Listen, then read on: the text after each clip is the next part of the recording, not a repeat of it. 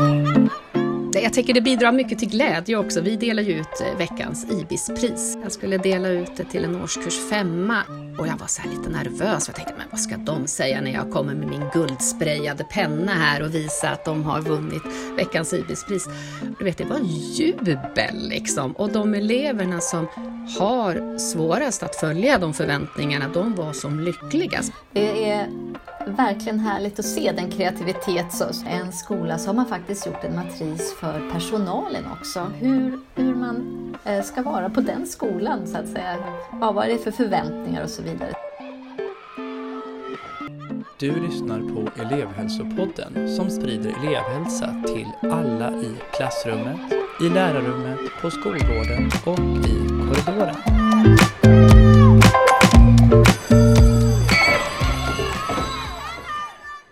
Hej och välkomna tillbaka till elevhälsopodden. En podd som görs i samarbete mellan Uppsala kommuns grundskolas utvecklingsenhet och centrala elevhälsan.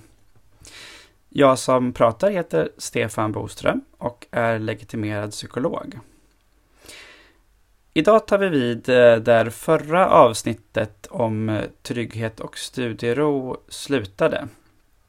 Eh, och jag kommer i det här och kommande avsnitt av podden prata mer om eh, konkreta arbetssätt för att eh, jobba mot bland annat ökad trygghet och studiero i skolor. Eh, och då kommer vi att ägna hela dagens avsnitt om att prata om IBIS, som är ett skolövergripande program för att jobba med det här som sedan några år tillbaka finns i många Uppsala skolor och snart i andra skolor i Sverige också. Eh, och jag ska alldeles strax eh, presentera mina gäster. Eh, innan vi sätter igång samtalet om IBIS så ska jag för ärlighetens skull också nämna eh, att jag har varit med på ett hörn och granskat IBIS-manualen. Bland annat för att kulturanpassa den till svenska förhållanden och utifrån mina erfarenheter av att jobba med elever med starkt utmanande beteenden. Men jag har inte jobbat med implementering på skolor eh, och jag jobbar inte heller med, med IBIS idag. Så då vet ni det om jag, om jag verkar veta olika saker. Men några som har eh, jobbat och jobbar eh, mycket med IBIS, eh, det är ni, Maria Sveidqvist och Helene Folkunger. Välkomna till Elevhälsopodden. Tack så mycket. Tackar. Jättekul att, att, ha er här och jag ser verkligen fram emot att få en, ja, men en trevlig pratstund och en intressant pratstund om IBIS mer. Kan inte ni presentera er. Vilka är ni? Maria, vill du börja? Mm. Maria Sveidqvist heter jag. Jag är biträdande rektor på Almtunaskolan, en F-6-skola här i Uppsala. Och är IBIS-teamledare och har jobbat med IBIS i, ja, är vi inne på andra året nu va, Helene? Du har varit instruktör mot oss. Mm, mm. Just det. Så snart två år. Ja, exakt. Ja. Helene, vem är du? Jag är Helene Folkunger, specialpedagog och jobbar centralt i Uppsala kommun. Eh, och jag är eh, IBIS-instruktör och gick min utbildning i eh, Oslo för, ja det är snart fyra år sedan. Mm. Ja, eller, ja, fyra år sedan. Så att jag har varit med från början här i Uppsala när vi började med pilotskolorna. Just det. Och som Eh, ni, ni, ni, nämnde ju era roller inom IBIS. Eh, jag tänker vi strax ska komma till vad, eh, hur ni jobbar på Almtunaskolan. Men vad gör en IBIS-instruktör? Vad är din, vad är din roll, Helene?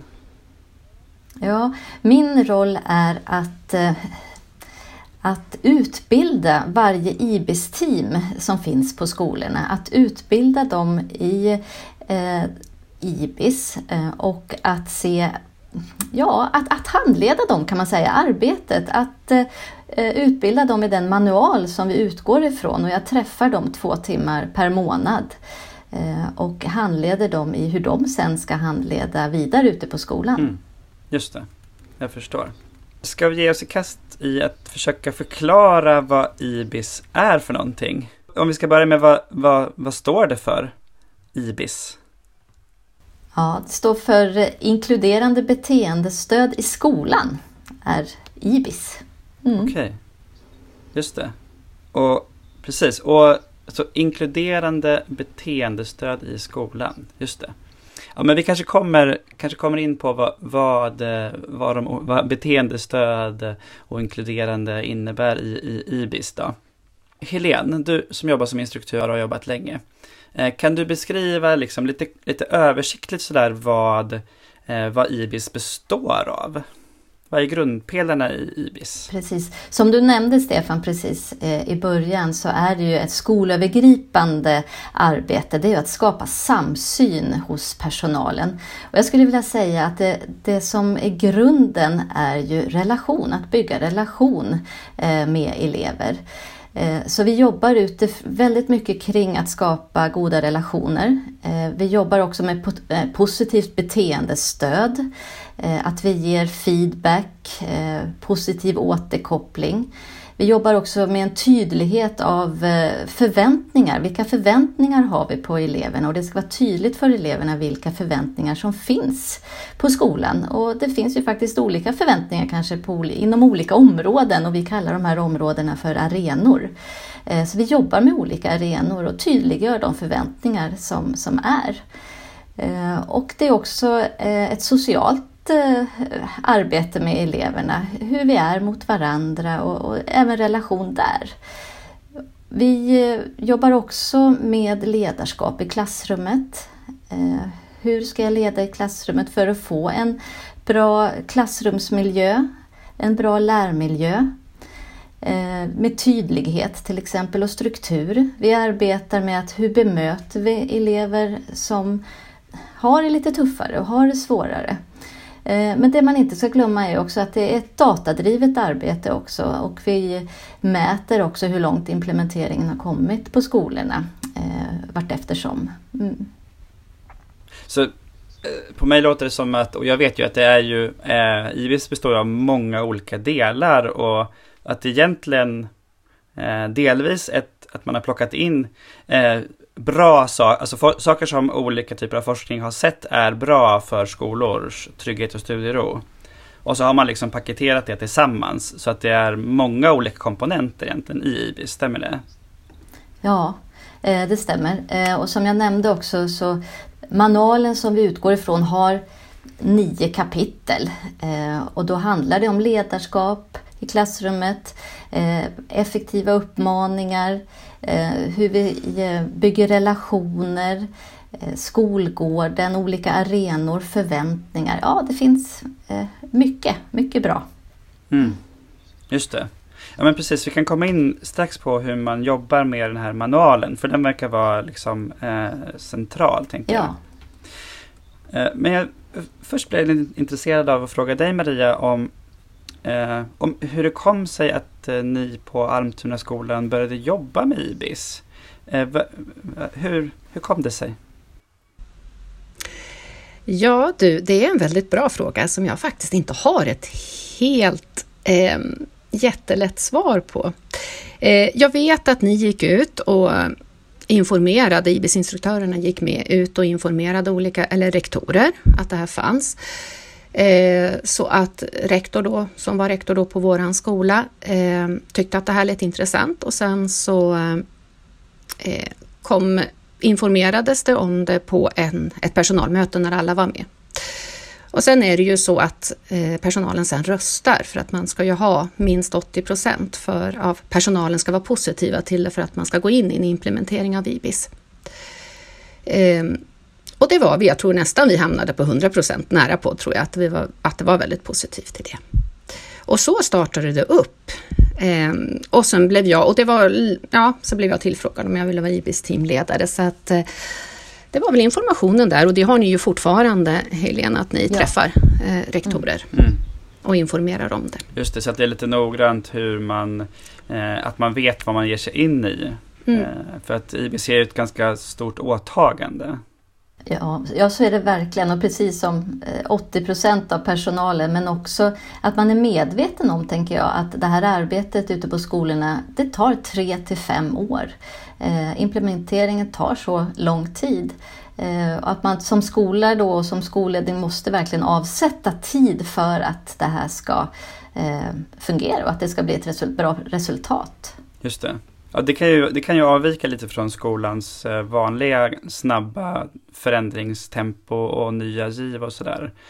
Eh, men i ert IBIS-team på Almtunaskolan då, har ni, har ni pratat om lite, som lite mer övergripande vad ni vill med IBIS lite mer långsiktigt? Alltså vad, vad är det ni vill att IBIS ska hjälpa er med?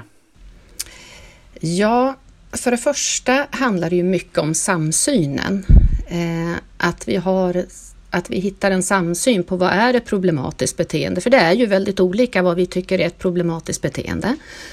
Eh, att vi har en samsyn till eh, regler, förväntningar. Eh, sen är ju Alltså IBIS är ju inget liksom, eh, alltså det är ju lite rent sunt förnuft tänkte jag säga. Det är ju inga egentligen nya saker som man går igenom med IBIS, men det som är en, en viktig skillnad här tycker jag för att ja, men i skolans värld är så, ja men den där läraren, den, det bara funkar, den där läraren bara har det. Ja men vad är det då den där läraren har? Helt plötsligt så har vi faktiskt ett Eh, ett systematiskt sätt att jobba med de här bitarna eh, som faktiskt gör att det fungerar för just den här läraren som har varit liksom en liten, ja, det bara, det bara funkar som sagt var i vissa klasser och det tycker jag är en stor skillnad att, att komma åt de här bitarna och nagla de bitarna och sen träna på dem. Just det. Just det. Men, men du nämnde det här att det liksom är ett systematiskt sätt att jobba med samsyn, eh, i alla fall hos personalen, kanske också med barnen. Mm. Men vad, vad, vad, består det här systematiska arbetet i liksom? Ja, det start, vi gör ju alltid en kartläggning innan vi börjar jobba med ett område. Och det gör, vi ganska, gjorde vi, gör man tidigt i, i IBIS-arbetet också. Eh, sen så väljer vi ut olika områden. Jag tror att rasterna är ju någonting som är problematiskt hos många skolor. Eh, ett svårt, svårt och problematiskt område. Det var ju också det som vi tidigt började arbeta med och då gjorde en handlingsplan för hur ska vi göra? När, vilka ska vara ansvariga? När ska det utvärderas? Och sen så har vi ju olika, jag menar hela IBS-manualen innehåller ju checklistor och så för också för att se hur, hur, man har, hur långt man har kommit framåt och vad man behöver jobba vidare på. Men att det startar utifrån en kartläggning. Men eh, Helene, då har jag förstått rätt, du har ju flera IB-skolor och då har du varit med och sett liksom flera olika kartläggningar och hur olika IBs team har resonerat. Vad, vad brukar komma fram i, i kartläggningarna? Har, ser du några teman liksom?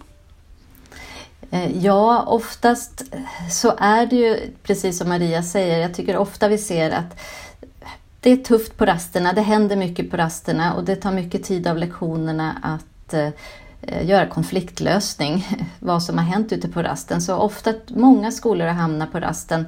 Eh, men även kapprum, toaletter, eh, matsal. Det är också områden, arenor som, som ofta kommer fram när skolorna gör sina kartläggningar. Så då identifierar man olika mm. arenor och så jobbar man med en i taget då? Eller man lägger på en i taget ja. liksom? Ja, precis, precis.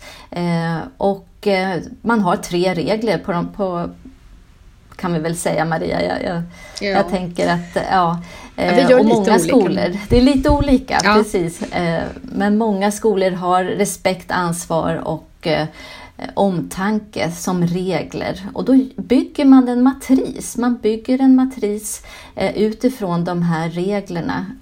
och använder de här reglerna då i varje arena. Mm.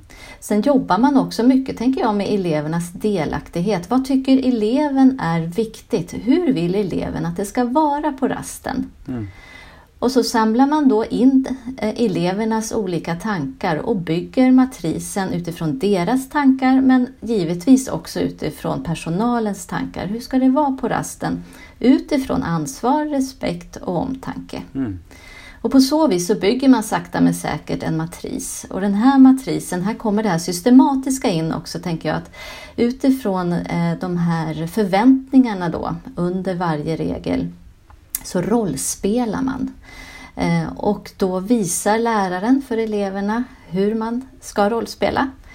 Och sen så tränar eleverna och det här återupprepas och de här arenorna läggs också in i ett årshjul som vi sakta men säkert arbetar fram under tiden vi eh, jobbar med manualen och utbildar oss så att säga på varje skola. Okej. Okay. Jag tänker det här med delaktigheten mm. eh, ja, för eleverna är ju, det är ju väldigt mäktigt faktiskt, för vi har gjort som så att vi tar då de här förväntningarna som har jobbats fram till elevrådet och går igenom dem i elevrådet och sen skriver samtliga elevrådsrepresentanter under och mm. det är en sån här lite magisk upplevelse när man står där och du vet den här eleven i årskurs 1 liksom allvarligt som kommer fram till, jo nej men det här kan vi gå med på, det här eh, kan vi föra ut till klasserna och så skriver de under med sin namnteckning. Ja. Det blir, det blir viktigt mm. och stort och det är viktigt och stort också. Ja, mm. ja det låter det när du mm. beskriver det. Men, men, kan du ge exempel, om man tar, har ni jobbat med arenan Rasten eller skolgården på Antuna? Kan du ge exempel på någon konkret då förväntan på beteende eller så? Mm. Eh, till exempel att jag följer, en konkret har varit att jag följer lek och spelregler på rasten. Och, och är, det då, eh, är det då tydligt för eleverna vad det är för lek och spelregler också eller? Mm. Då har vi gått igenom, det är ju fotboll och det är ju King som är de eh, hårdaste drabbade områdena här på skolan. Eh, ja. ja. Ja, men det känner jag också igen från, eh, jag är på en grundskola. Det är mycket som händer på fotbollsplanen mm. och, och om man har King-rutor också. Och det är ju själva grejen att man ska, alltså de, de här förväntningarna ska ju vara så tydliga och klara så eleverna ska ju kunna lyckas med dem. Så att de har en förutsättning för att lyckas. Så att säga. Och sen så blir det en sak då vi, som vi har, då har vi full fokus på det istället för att den här stora rasten som är som den är så att säga. Ja just det, så att man liksom istället för att liksom överväldigas lite av att det är så mycket som är problem på rasten eller att det ja, så fokuserar man på specifika eh, ställen där man har identifierat att man behöver stötta upp liksom. Men, men så då så här, man kommer fram tillsammans med eleverna, för tydliga förväntningar, man rollspelar och övar, vilket ju känns eh, helt rimligt om man ska lära sig någonting. Men sen gissar jag att det ändå kan vara så att förväntningarna inte eh, eleverna klarar inte av att följa förväntningarna. Eller de vuxna heller för den delen. Eh, hur gör man då? Alltså det tänker jag händer egentligen till Det borde hända till vardags liksom. Vad, vad gör man då? Jag, jag, tänker det, det, som är viktigt kring de här förväntningarna är ju också att, att det går att rollspela. Det är ju liksom en grundförutsättning såklart. Men också, precis som du är inne på Stefan, att de är utvärderingsbara också tänker jag. Att vi verkligen kan se, men eh, har vi hamnat rätt? Behöver vi göra förändringar och så vidare? Eh, och, och, det är klart att eh, självklart så är det ju så att eh, det finns elever som vi hela tiden behöver jobba parallellt med eh, eh, hur man ska göra och hjälpa till lite extra kring de här förväntningarna. Rollspela kanske enskilt, eh, beskriva, rita. Alltså, jag tänker det här är ju skolövergripande, det här är för hela skolan. Det här är för alla elever. Vi jobbar liksom, om vi tänker oss en pyramid så jobbar vi med nivå 1. Vi jobbar liksom på botten av pyramiden. Generella eh, förväntningar och anpassningar och så vidare. Så, eh, så vi behöver ju hela tiden, vi har ju alltid de eleverna som utmanar oss lite extra som vi hela tiden behöver jobba med parallellt med, med andra anpassningar. Just det, och, att, och stämmer det då att, att eh, man under ganska lång tid jobbar på nivå 1, skolövergripande i IBIS och sen så går man vidare och jobbar mer intensivt med ja. vissa elever. Ja, exakt. Eh, precis, och jag tänker mig att det där ser ju så otroligt olika ut med nivå 1.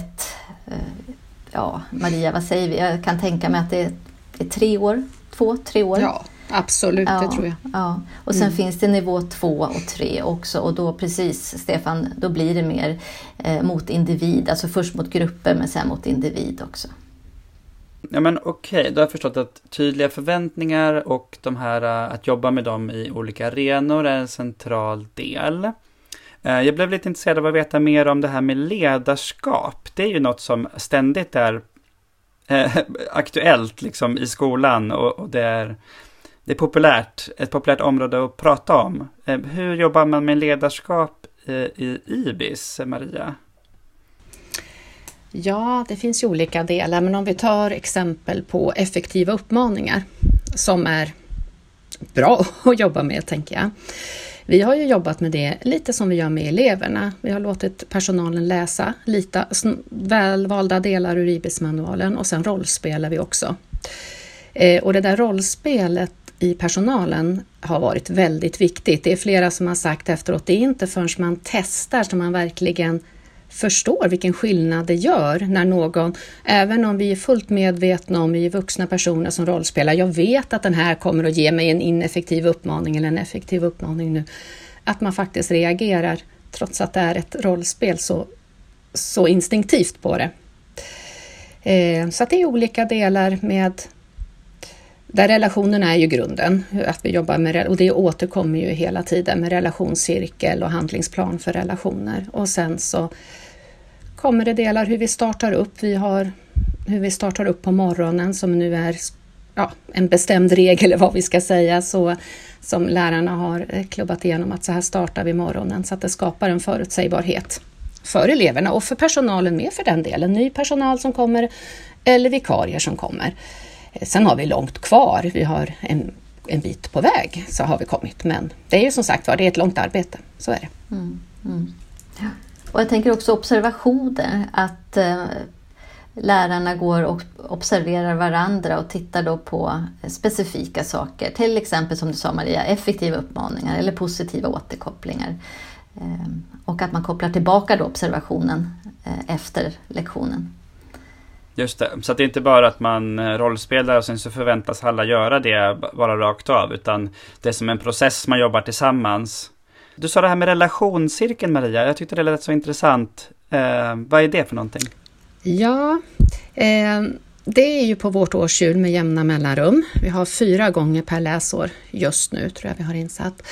Då är det då en, en relationscirkel som finns i manualen med olika färger och sen så placerar man ut eleverna i klassen då till exempel. Eh, om man har en bra relation eller om man har en dålig relation eller om man faktiskt egentligen inte har någon relation överhuvudtaget till den här eleven. Eh, sen så jobbar de med det arbetslaget, de tar hjälp av varandra och det kanske är så att, att man upptäcker att nej, men ingen i våran arbetslag har en relation till den här eleven. Och så utifrån det så gör man en handlingsplan då som ska vara väldigt enkel med en eller två åtgärder och det ska vara väldigt konkret, enkelt och lätt. Till exempel att eh, jag, eh, jag går och hälsar på den här eleven varje dag ser jag till att jag har sagt Hej, hur är läget? Eh, för att helt enkelt förbättra relationerna och mm. upptäcka de här som, ja, även om man har en dålig relation med en del kanske så har man ändå en relation, men sen är det ju de där som man som liksom går under radarn, så att säga. Mm. Det låter som ett väldigt klokt eh, och, ett, och liksom fint arbete på något sätt. Att man systematiskt kollar, eh, ja, som du beskriver, liksom, vad, vad, vilka elever som, som har det bra och vissa som behöver extra hjälp. Och sen att det är liksom den, i, i det arbetet är det i alla fall den vuxne som ändrar sitt beteende. Eh, för att hjälpa eleven. Mm. Just det. Ja, men då har vi pratat liksom lite grann om vad komponenterna i IBIS är. Och ni har också gett en, tycker jag i alla fall, bra bild av hur delar av IBIS funkar i, i vardagen. Det är många olika delar. Det är ganska höga förväntningar på personalen och även på eleverna, liksom att mycket man ska göra. Hur, hur tusan organiserar man för att få allt det här att liksom funka? Helene? Mm. Ja, jo men då är det ju så att varje skola eh, bildar sitt IBIS-team och det är ju rektor som utser teamet och det här går ju till på lite olika sätt. Vissa skolor, eh, vissa rektorer bestämmer att man får söka eh, till teamet och ibland så är det rektor som helt enkelt utser vilka medlemmar som ska ingå. Och det brukar vara ungefär 5 till 7 personer i varje team. Det ser lite olika ut men det kan vara bra att vara det antalet för det, ibland är det någon som slutar eller någon som Eh, är borta av någon annan anledning och så vidare. Eh, men det viktiga är ju att vi har en bred... Eh, att, att, att, att vi har ett team där det finns representanter från olika områden, olika delar i skolan så att säga. Att det är från fritids, eh, att det är från elevhälsan eh, och givetvis att eh, skolledningen är delaktig. Och det har vi sett när vi har gjort våra utvärderingar att det är en framgångsfaktor att ha skolledningen representerad. Så det är viktigt att det är en bred representation så att vi verkligen kommer åt alla delar i skolan. Och sen träffar jag då det här teamet två timmar, som instruktör träffar jag teamet två timmar i månaden. Och då går vi igenom, ja var ligger vi någonstans i eh, IBIS-arbetet nu? Hur ser det ut på skolan? Eh, vad får ni för feedback från lärarna? Vad tycker eleverna? Och, och hur går vi vidare och vi blickar framåt? Eh, och eh, vi gör övningar också i teamen. Vi testar på olika saker eh, så att man sen då som team medlem har man då en grupp personal som man handleder. Och det ser lite olika ut hur det organiseras, om det är att man handleder sitt egna arbetslag eller om man har gjort helt olika grupper eh, på skolan. Och då går varje teammedlem ut och handleder sin grupp och jobbar eh, med det vi har gjort i teamet.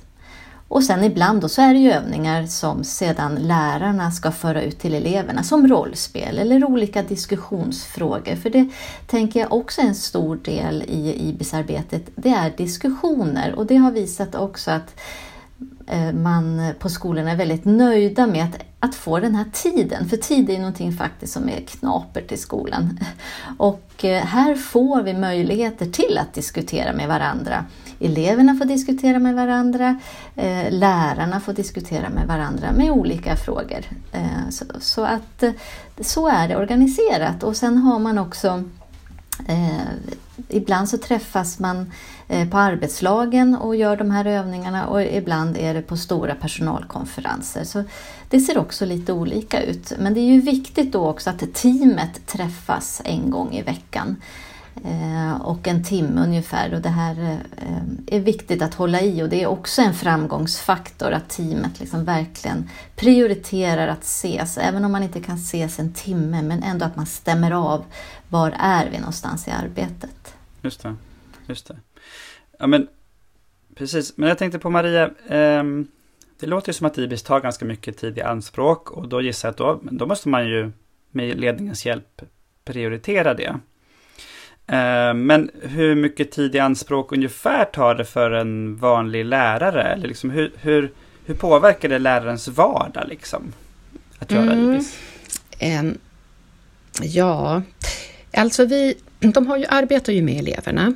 Eh, så på måndagar så då har IBIS-teamet gjort en film och vi presenterar förväntningen och sen så rollspelar de därefter. Så på måndagar så har de alltid en avsatt tid för att jobba med eleverna, men det handlar inte mycket mer än om ja, max en halvtimme egentligen och sen är det ju uppföljning lite under veckan men det är ju också bara sånt som, som man alltid gör. Hur har rasten varit eller hur gick det i matsalen? Så att just det är nog ingenting som ligger utöver. Jag pratade faktiskt precis med en lärare i förskoleklass som hade fått en fråga Eh, från en skola som eventuellt var på väg in i, IBIS. Och, ja, men hur mycket tid tar det för dig? Och hon sa, nej vet du, det tar inte mycket tid, tid för mig. Eh, utan det är ändå sånt som vi jobbar med och det är väl det som är, det är sånt som vi alltid pratar om och sen så tänker vi att man också vinner tid. Att är vi förebyggande så kanske inte så mycket tid behöver tas till att reda i konflikter sen också. Sen så träffas ju IBIS-teamet en gång, en gång i veckan och det har vi varit väldigt noga med och en timme är lite knapert egentligen. Eh, vi har behövt tagit halvdagar ibland. Men det är också för det här praktiska jobbet att spela in filmerna och sådana saker som vi har valt att göra. Och sen så träff, eh, är det var, ungefär var tredje vecka som eh, de jobbar mer i arbetslaget. Och då har vi arbetslag när lärare och fritidsresurser tillsammans och det har varit väldigt viktigt. För från början när vi startade upp Helen, då, hade vi, då tog vi det på... Nej, då avsatte vi tid under eh, skoldagen. Då hade jag med lärare och sen så hade jag en grupp med fritidsresurs.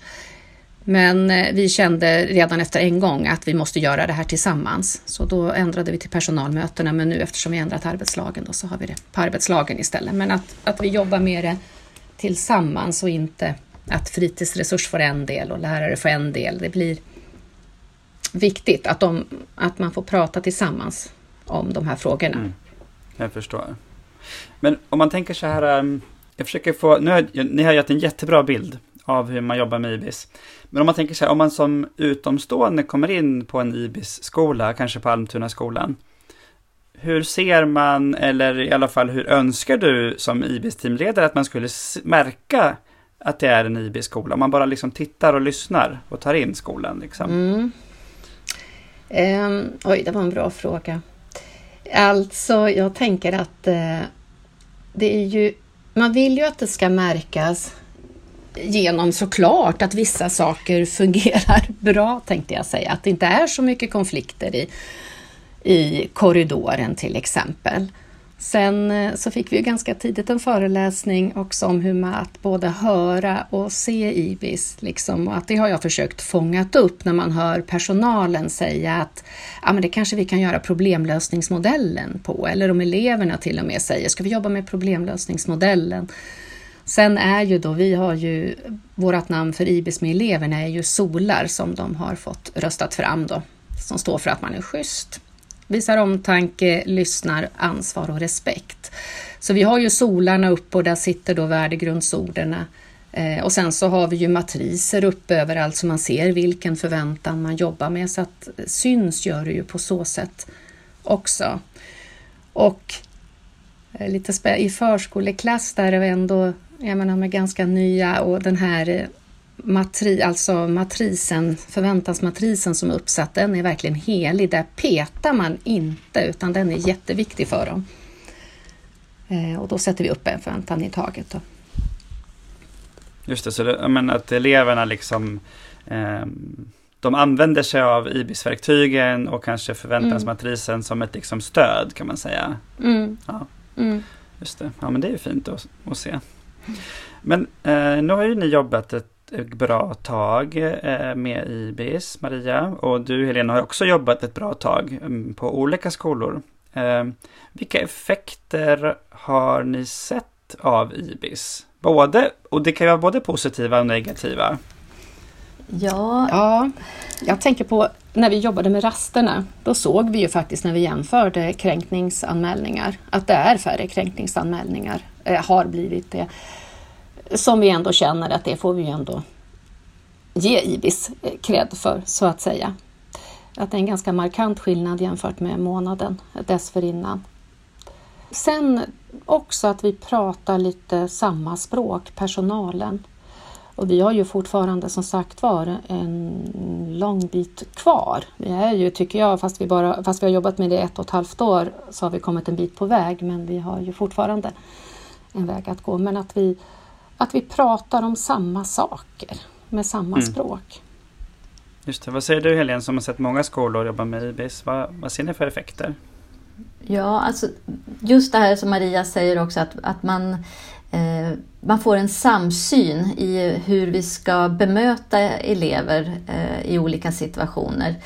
Eh, man får ett gemensamt språk eh, och precis också det här med kränkningsanmälningar, färre eh, konflikter och också att eleverna är eh, mer medvetna om vilka förväntningar som, eh, som, som gäller. Eh, och ehm, ja, det, det är väl framförallt det, tänker jag, att det blir tydligare och lugnare på, på de här arenorna som skolorna har tränat på och rollspelat. Eh, också att eh, eleverna hjälper varandra, alltså påminner varandra om eh, vad det är för förväntningar som gäller på de olika arenorna. Eh, jag tänker också kring det här när lärarna diskuterar med varandra och relationer, att man har, tycker jag, blivit mer medveten om ja, men, vikten av att ha en bra relation såklart eh, med eleverna och, hur skapar jag det? Och det som Maria sa att det faktiskt med ett enkelt verktyg med relationscirkeln kan göra skillnad. Eh, och också att lärarna har lite mer att hålla sig i, eh, i ledarskapet i klassrummet. Att man att man har fler verktyg att ta till. Det här med effektiva uppmaningar. Hur gör jag det? Och, och vad lätt, eh, om jag uttrycker mig på ett annat sätt, att det blir ineffektivt. Och vikten av att eleverna får positiv återkoppling och att jag är medveten om att jag kanske tror att jag ger positiv återkoppling ganska ofta men när jag har kanske registrerat och tittat så ja, jag kanske behöver öka det lite. Så att, eh, ja, det är lite, lite så tänker jag. Och de här diskussionerna och medvetenheten är ju viktigt för att det vet vi ju alla att de gångerna när vi behöver vara som mest pedagogiska kanske vi är som minst så att säga. Att vi ändå får prata om de sakerna också. att Nej, men fredag eftermiddag, då är inte jag vidare värst på att ge effektiva uppmaningar, så att säga. Och att, och att man där också får hjälpa varandra. Ja, men då kanske du inte ska ha den lektion som kräver absolut mest av dig som, som ledare i klassrummet, utan se de bitarna också. Ja. Och jag tänker i, i förlängningen, det vi hoppas kunna se är ju det som tidigare forskning har visat eh, från USA och från Norge, just att det blir en tryggare lärandemiljö. Att, att inkluderingen ökar eh, av utmanande elever till exempel. Att, för att det blir tydligare och mer strukturerat och förutsägbart i klassrummet och kanske en tydligare ledare också. Jag tänker det bidrar mycket till glädje också. Vi delar ju ut eh, veckans IBIS-pris. Och, och det är... det, det är Ibland glömmer man hur stort vissa saker är, det här lilla lullullet, men jag skulle dela ut det till en årskurs femma och jag var så lite nervös. Jag tänkte, men vad ska de säga när jag kommer med min guldsprayade penna här och visa att de har vunnit veckans IBIS-pris? Du vet, det var jubel liksom. Och de eleverna som har svårast att följa de förväntningarna, de var som lyckligast. Bara, har vi fått det här? Har vi förtjänat det här? Så att, ja, det blir mycket runt det också. Ja, det måste jag säga också att jag, jag tycker det är, det är verkligen härligt att se den kreativitet som är ute på skolorna. Det, vi har en ibisfåglar som kommer på besök och som har skrivit brev till exempel. Eh, och på en skola så har man faktiskt gjort en matris för personalen också. Hur, hur man eh, ska vara på den skolan så att säga. Hur, eh, hur man, ja, vad det är för förväntningar och så vidare. Så det är mycket, mm. mycket bra jobb som görs ute på skolorna, verkligen. Just det, det låter som att det ändå förhållandevis eh, stor möjlighet att, att utforma arbetet själv. Eh, alltså så länge man följer vissa liksom, delar i manualen. Ja. Så. Mm. ja, absolut. Och jag tänker just det här rollspelandet så finns det en skola som eh, där teamet spelar in eh, och gör alldeles tokigt. Så att eh, när den här filmen sen ska spelas upp för eleverna så har eleverna uppgiften att hitta fem fel. Och det här har blivit väldigt populärt eh, och eleverna är väldigt duktiga på att hitta de här felen och tycker det är skoj. Ja. Men när man, när man gör en sån här stor implementering inom så många områden och som kräver så mycket, då tänker jag att det, det leder ju såklart till önskade effekter, men också oönskade effekter eh, som man inte har tänkt på och som liksom blir små eh, gropar i vägen eller sådär.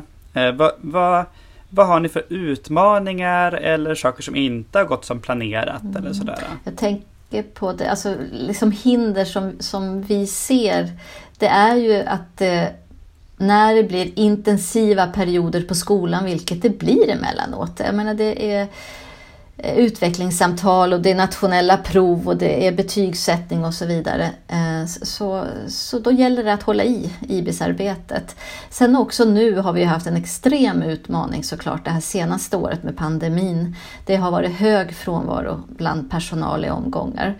Eh, och då gäller det också att hålla i och det kanske bara är två stycken i teamet som är på plats. Men att man ändå stämmer av. Men det här har varit tufft och det har varit svårt för det har också varit vikarier ute i klasserna och det är inte alltid så lätt att eh, göra det här arbetet då. Eh, vi har också sett att vid byte av rektor till exempel mm. så kan det också stanna av en stund innan nya rektor kommer på spåret. Eh, och också om IBIS-teamet byter ut medlemmar till exempel eh, av olika skäl så kan det också eh, stanna upp lite grann. Men vi håller oss till manualen och den är väldigt viktig liksom, i vårt arbete och hur vi lägger upp arbetet. Och som du sa Stefan, hur skolorna lägger upp och, och det, det, är ganska fritt och man kan få vara kreativ men vi håller oss liksom inom ramen ändå. Men eh, låter kreativiteten flöda mm. inom ramen så att säga. Just det. Har du några tankar om, om eh, eventuella fartgupp eller eh, effekter som ni inte hade förutsett eh, Maria? Eh, nej, förut, eh, ja, tänkte jag säga, pandemin såklart har ju fått det. Vi har väl haft igång ganska bra men jag känner att man saknar den här möjligheten att träffas, liksom personalen i större grupper och rollspela. Det blir ju inte riktigt samma grej att rollspela över Teams. Så att fokus den här terminen har framförallt legat på arbetet med eleverna och relationscirkeln som kan. Sen har vi inte tagit in så många nya delar just nu. Sen är det ju som med allting man implementerar i skolan och överallt att det är klart att det finns ju de som inte är med på tåget i alla fall och mm. det kan man ju såklart eh, bli frustrerad. Jag kan bli frustrerad, liksom, men det här är så himla bra. Varför liksom, har vi bara bestämt det här så kör vi nu bara. Det ska väl inte vara så. Men det är också att tänka på att, att inte fastna vid det utan fokusera på det som funkar. Det krävs ju inte så mycket för att det ändå ska börja fortsätta att, att rulla på så att säga. Och det är ju inget specifikt för IBIS utan så är det ju liksom mm. när man implementerar någonting. Mm. Och, men här i IBIS kanske man kan märka skillnaden att det kan vara en lärare som har en klass som fungerar väldigt bra och tänker att ja, det kanske inte är så viktigt i min, i min Nej. klass. Men det är ju någonting, det är ju en styrka oavsett vad vi gör att hela skolan gör det tillsammans. Bara det i sig är ju, eh, är ju en bra mm.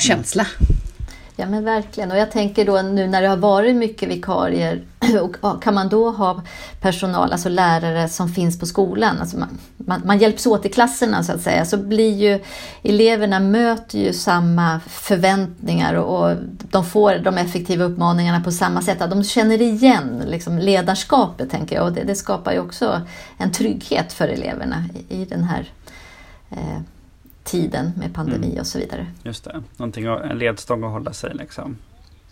Ja. Så. Jag tänker en sak, just det här, vi pratar ofta i skolan nu med, om övergångar och svårigheten med övergångar och inte bara liksom, kanske de stora där vi byter skola och så vidare, utan övergångar från årskurs 3 till 4 och så vidare. Och, och jag tänker att det här arbetet också är någonting som är förebyggande för att det ska bli enklare för eleverna att byta stadie. Att man möter ungefär samma, samma eh, förväntningar och eh, att det finns en samsyn bland personalen på skolan. Så jag, mm, det finns så många bra effekter av det här. Mm. Just det, ja, men det låter ju väldigt bra tänker jag. Nu ska jag gå in lite grann med mina egna tankar för att jag har liksom ja, men, läst om IBIS och manualen noga och, och också liksom sett lite, lite grann på skolor och sådär. Uh, och jag vet inte, jag tror att ni kanske lite har varit inne på det själva, att liksom nu jobbar ju ni alla med det skolövergripande, uh, som är riktat sig till alla och som liksom är uh, grunden liksom i, i IBIS. Men som ni var inne på så finns det ju elever som behöver mer och i vissa fall mycket mer stöd än vad det skolövergripande arbetet hur blir, alltså, eh, jag undrar om flera saker, men hur blir det för dem i IBIS? Ja, men till exempel om det är så att nästan alla i klassen klarar förväntan, som är tydlig och, och, inlärd och som alla andra har lärt sig. Hur blir det för en elev, finns det elever som inte klarar förväntningar och hur tänker ni i IBIS-teamet då? Eh, Maria? Då måste jag klura lite. Ja, alltså jag tänker så här att eh, de här förväntningarna, det är ju Ja, de är tydligare nu så det ger ju ändå bättre förutsättningar för att, att kunna eh, klara av det. Samtidigt är det ju förväntningar som, som alltid finns, så det är ju inte så att det införs några nya förväntningar just med IBIS och ett misslyckande med förväntningen i IBIS är ju också, är ju, det skulle varit ett misslyckande ändå om man säger så, i, i en förväntan som kanske inte är så tydligt utformad.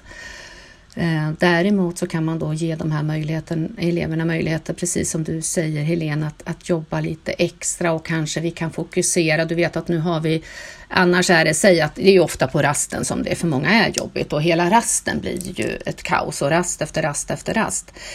IBIS ger ju ändå en möjlighet att om vi bara nu fokuserar på att eh, du ska kunna klara av att följa de här reglerna på i fem minuter eller någonting sånt. Att liksom bryta ner det tänker jag till mindre också så att de faktiskt får känna att de, att de lyckas och ju fler runt om, om som lyckas desto lättare blir det ju också. Man får ju en, en ram runt sig om det är för genom det här IBIS så kanske man får med sig 15 stycken till som faktiskt klarar på grund av, av att det blir förtydligat, klarar att följa de här reglerna och då blir det ju ännu fler runt om som affärer färre att ha konflikter med då kanske, tänker jag.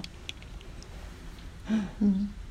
Och jag tänker just kring raster, för det som har varit så bra just när vi har jobbat kring rasterna är ju att många skolor har eh, skapat rutiner för rastaktiviteter, att det alltid finns en rastaktivitet. Och det här är ju någonting som i alla fall jag har önskat länge, att det ska vara så på skolorna. Och jag tänker då får vi också, precis som du säger Maria, då, då, får vi med många fler elever och då är det ju viktigt att kanske just den här eleven med lite extra tufft får individuell information och instruktion hur, hur eh, den här eh, leken går till och så vidare. Och att man, Eh, att man stöttar upp extra givetvis kring de här eleverna. Men man hoppas ju också att, att läraren i klassrummet eh, när väldigt många av eleverna klarar av förväntningar, att läraren får mer tid, eh, ork och energi att stötta den här eleven. Så, så vi hoppas ju att allt tillsammans, tydlighet, struktur, förutsägbarhet, eh, ska hjälpa många fler elever. Men vi kommer alltid att ha mm några elever som vi behöver stötta extra med bildstöd mm. och så vidare. Just det, på andra sätt.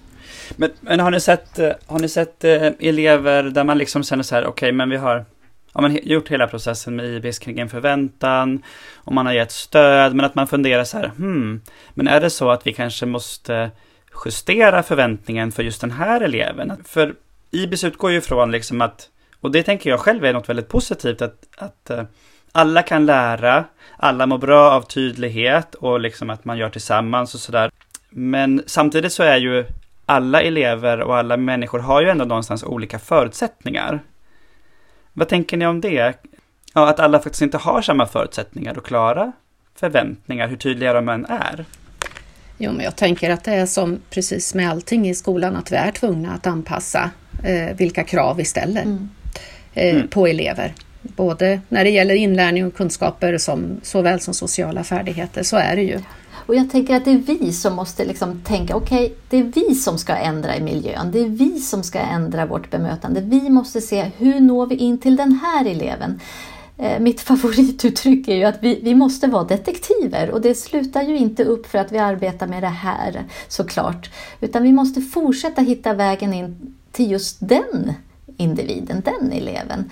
Och det kräver, kan kräva många olika tankar och att vi testar olika saker. Men vi, må, vi, vi måste ju hitta en väg in. Mm, men det, och jag, jag har verkligen fått en bild innan och ännu mer nu av att eh, IBIS hjälper ju Eh, alla vuxna att liksom, ja men som ni säger, få ett språk, att strukturera arbetet, få arenor att prata om det här som är svårt oavsett om man jobbar med IBIS eller inte. Och det tänker jag väldigt, låter väldigt positivt.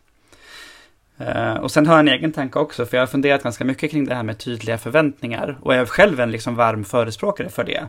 Oavsett hur man ska sen jobba med att eleverna ska klara dem. Då har jag funderat så här och kanske till och med googlat lite så här, vad är egentligen en förväntan? Alltså en förväntan är ju en, en förhoppning om hur man vill att det ska bli i framtiden. Och förväntan handlar nästan alltid om att det är någonting positivt man önskar. Och i det ser jag så mycket gott, liksom, att det är en förhoppning om att man ska få det bra tillsammans i framtiden. För även om, för, för mig personligen så är förväntningar inget jag tycker om det ordet. Eh, men för en del kanske kan låta lite, liksom, lite kantigt och hårt sådär. Men för mig är det väldigt eh, fint att tänka att det är det här positiva förhoppningen om framtiden. Mm, jag håller med. Vet ni vad, um, jag tänker att vi snart ska börja runda av den här intervjun. Ehm, det har varit fantastiskt roligt att höra eh, mycket om IBIS. Och, och, jag vet ju att det finns så mycket mer att prata om också med IBIS. Eh, men jag tänkte avsluta med eh, en fråga som ni inte har fått presenterad i förväg. Och det är om ni ska fundera båda två på någonting som ni själva har lärt er under den tiden som ni har jobbat med IBIS? Alltså no någonting som ni själva har lärt er, om er själva eller om hur ni är på jobbet eller sådär. Vad IBC till liksom personligen. Så jag tänker ju mycket på att implementering av saker, att, att det eh, och kanske, eh, kanske särskilt då med IBC i och med att jag själv tycker det är så självklart, brinner så mycket för det, att, eh, att det faktiskt tar tid. Eh, Trodde nog ändå att det skulle rulla på ännu snabbare på något sätt. Att vi, även om det står tre till fem år så hade vi väl nog fått det där gjort på. Nej, men liksom att, att nått ut till personalen eh, snabbare eh, ändå. Eh, men det är ju också det som att det måste ju få ta den här tiden. Vi måste ju vända och vrida eh, på saker. Och nu när jag läser IBIS instruktörsutbildningen så hittar jag ju ytterligare delar i IBIS-manualen, eh, ännu fler bitar som, är, som eh, man vill jobba med, så att mm. säga. Just det, så du har lärt dig liksom den hårda vägen att, att en implementering tar tid och också vilket och verkligen vilket hårt jobb det är. Men att det, det, det går att komma framåt med hårt jobb. Absolut. Är det det du har lärt dig? Ja. Ja. Ja, ja vad fint. Du då Helene, vad har du lärt dig? Ja, men jag tänker på, eh, jag tror att innan jag gick, eh, började arbeta med IBIS så, så tänkte jag liksom systematik, ja men det är väl bra. Och så var det inte så mycket mer med det, men ärligt talat så lät det kanske lite torrt. men, men jag måste säga att jag tycker just att, att jobba systematiskt med IBIS eh, är jätteroligt och Eh, Eh, så viktigt eh, att, att man får till den här systematiken och vilket fantastiskt resultat. Jag är övertygad om att det mer och mer kommer att bli.